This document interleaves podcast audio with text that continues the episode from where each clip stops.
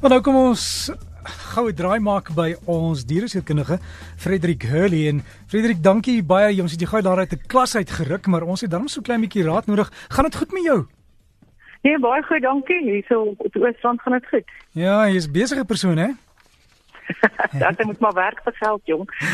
Maar ja, ek begin dadelik met 'n storie. Ek het gesien in Amerika, daar was 'n klein hondjie met die naam van van as ek dink is Boba of Baba wat verslaaf geraak het aan meth. Dis wat die mense by ons ken as cat crystal meth en hulle het nou die hond gerehabiliteer paar maande later en hy's aangeneem.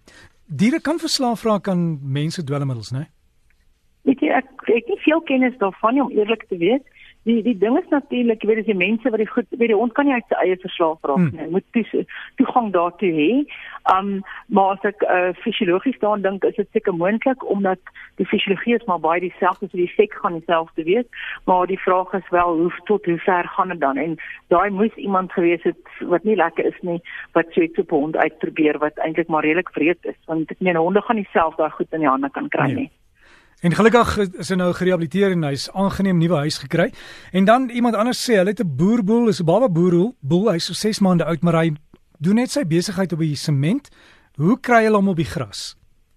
Ok, dit is 'n algemene probleem. Ons sien dit baie ook by honde wat byvoorbeeld by 'n teeler net op sement was of byvoorbeeld van 'n welsynsorganisasie afkom, soos die BBC, waar dit net sement is. Nou honde uh, leer nie om dis om noodwendig op gras te gaan hulle of buite te gaan. Hulle leer op watter substraat om te gaan. So daai hond geleer het om sement onder sy voete te hê as hy moet ontlas byvoorbeeld, gaan hy dit aanhou kies.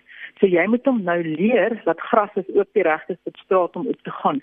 So die maklikste is dan om eintlik die hele proses weer voor te begin is om hom byvoorbeeld as hy wel binne is, gaan dit makliker wees om hom dan met spesifieke tye miskien na slaap, na ete, na speel om uit te vat, na die gras toe, miskien op 'n leiband en om spesifiek dan te wag tot hy sy besigheid op die gras doen en hom dan te beloon. As hy niks doen nie, om weer invat en miskien 10, 20 minute later om weer die geleentheid gee om om dit op die gras te doen. Hy moet net leer dat gras is aanvaarbare substraat om op te staan terwyl jy ontlas en hy het waarskynlik net geleer dis sement van van 'n jong van 'n klein ouderdom af. So dit gaan eintlik redelik maklik wees. Jy moet net die moeite doen om uitvat op die gras wat gaan daai geleentheid gee en halsband gaan die maklikste wees. Onthou net dit is nie speeltyd nie. So as jy hond uitvat om hom te leer om buite te gaan, jy dit is nie buite om te gaan speel nie. So as hy weet jy vat hom letterlik net om sy ding te doen en en dan beloon as hy dit doen en weer ingaan. Elise vra sy het 'n 10 week oue miniatuur dobermantjie, pragtig, maar sy wil hom leer sit en sy kry dit nie reg nie. Wat moet sy doen? Ok, ons gebruik maar baie kos daarvoor. Um, kos is 'n wonderlike ding vir honde. Ons hulle dien baie vir kos. So jy het 'n lekker netjie, miskien 'n stukkie kaas of 'n Vienna of vir honde lekker netjie. En wat sy gaan doen is nou moeilik om dit te beskryf. Dit is makliker om dit te demonstreer, maar as die hondjie by haar staan, is dan om die kos by sy neus te hou en na sy kop toe te beweeg as ek so kan sê agtertoe. Want die neus gaan dan die kos volg en as die neusie opgaan, gaan die boude af. En dan sodra die boude in die begin die grond raak, dan die kos vir hom te gee. En geleidelik dan as hy dit begin leer wat dit is, dan kan jy die woord sit bysit om dan te leer dat hy op op net op die woord moet gaan en nie noodwendig net op kos nie, maar gebruik maar kos om hom half te lok hoe om dit hoe om dit reg te kry en dit is maar om die kos agtertoe te beweeg dat die neus opgaan, die kop gaan op en die boude gaan af. Iemand het 'n uh, 6-jarige Wat ek net wil sê is, is, is ons druk nie meer op die boude en so om druk want alles wat jy druk het maar aksie te reaksie. So gewoonlik hoe meer jy druk hoe meer die hondjie weerstand gee.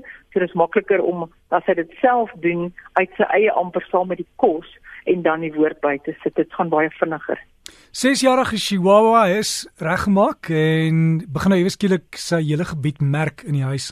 Iemand vra wat moet hulle daaromtrent doen? Wat kan die rede wees? OK, net seker maak eerstens net seker maak daar's nie mediese uh, toestand of iets onderliggend nie. Andersins moet daar iets waarskynlik gebeur het wat die hondjie nou voel onveilig voel oor sy gebied en voel hy moet dit merk. So of daar's miskien 'n ander hond, miskien 'n nuwe persone, iets iets in die omgewing het waarskynlik verander dat hy nou voel hy voel nie seker nie en hy begin nou merk. So 'n mens sal moet probeer uitvind wat daar verander het voordat jy dit kan behandel. As jy weet wat die oorsaak is want onthou net honde wat reggemaak is kan nog steeds merk soos hy agtergekom het. Um so miskien net kyk daar, dit gaan nie help om hom te straf daaroor nie, dit is beter om om dan jy weet dit, dit ignoreer en uit te vind wat die stres is.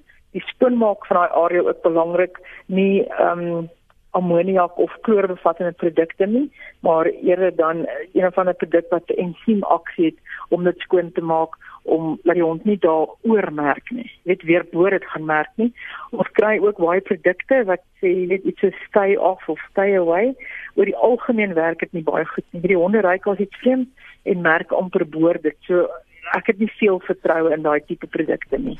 En 'n laaste een, iemand vra, hoe weet jy as 'n kat hondsdolheid het of hondsdol is en moet katte ingeënt word teen dit en hoe gereeld?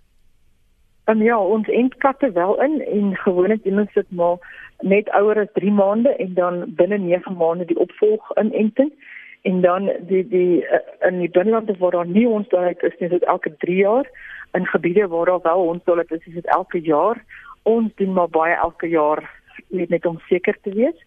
Um ja, die, die tekens is is maar jy weet skielike verandering in gedrag, skielike aggressie, slaim, salivasie, daai tipe gedrag as 'n ou bekommerd is.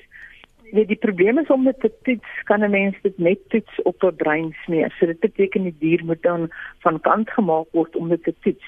So wat hulle baie keer doen dan kyk die staatsveearts raak betrokke en wat hulle dan doen is om daai dier dan in kwarantyne te hou vir 7 tot 14 dae om te kyk of daar nog tekens is en as daar nie tekens is nie dan beteken dit die dier het dit nie en word dan weer vrygelaat. En ongelukkig enige manier om te toets is weet is om dan 'n breinmonster te kry.